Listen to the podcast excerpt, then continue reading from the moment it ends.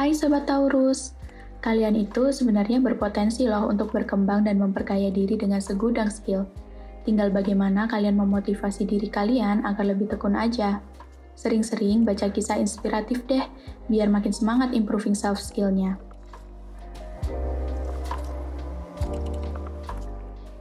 Percintaan untuk Sobat Taurus Lovebird. Sepertinya suasana hubungan kalian sedang sangat baik karena komunikasi terjalin sebagaimana mestinya.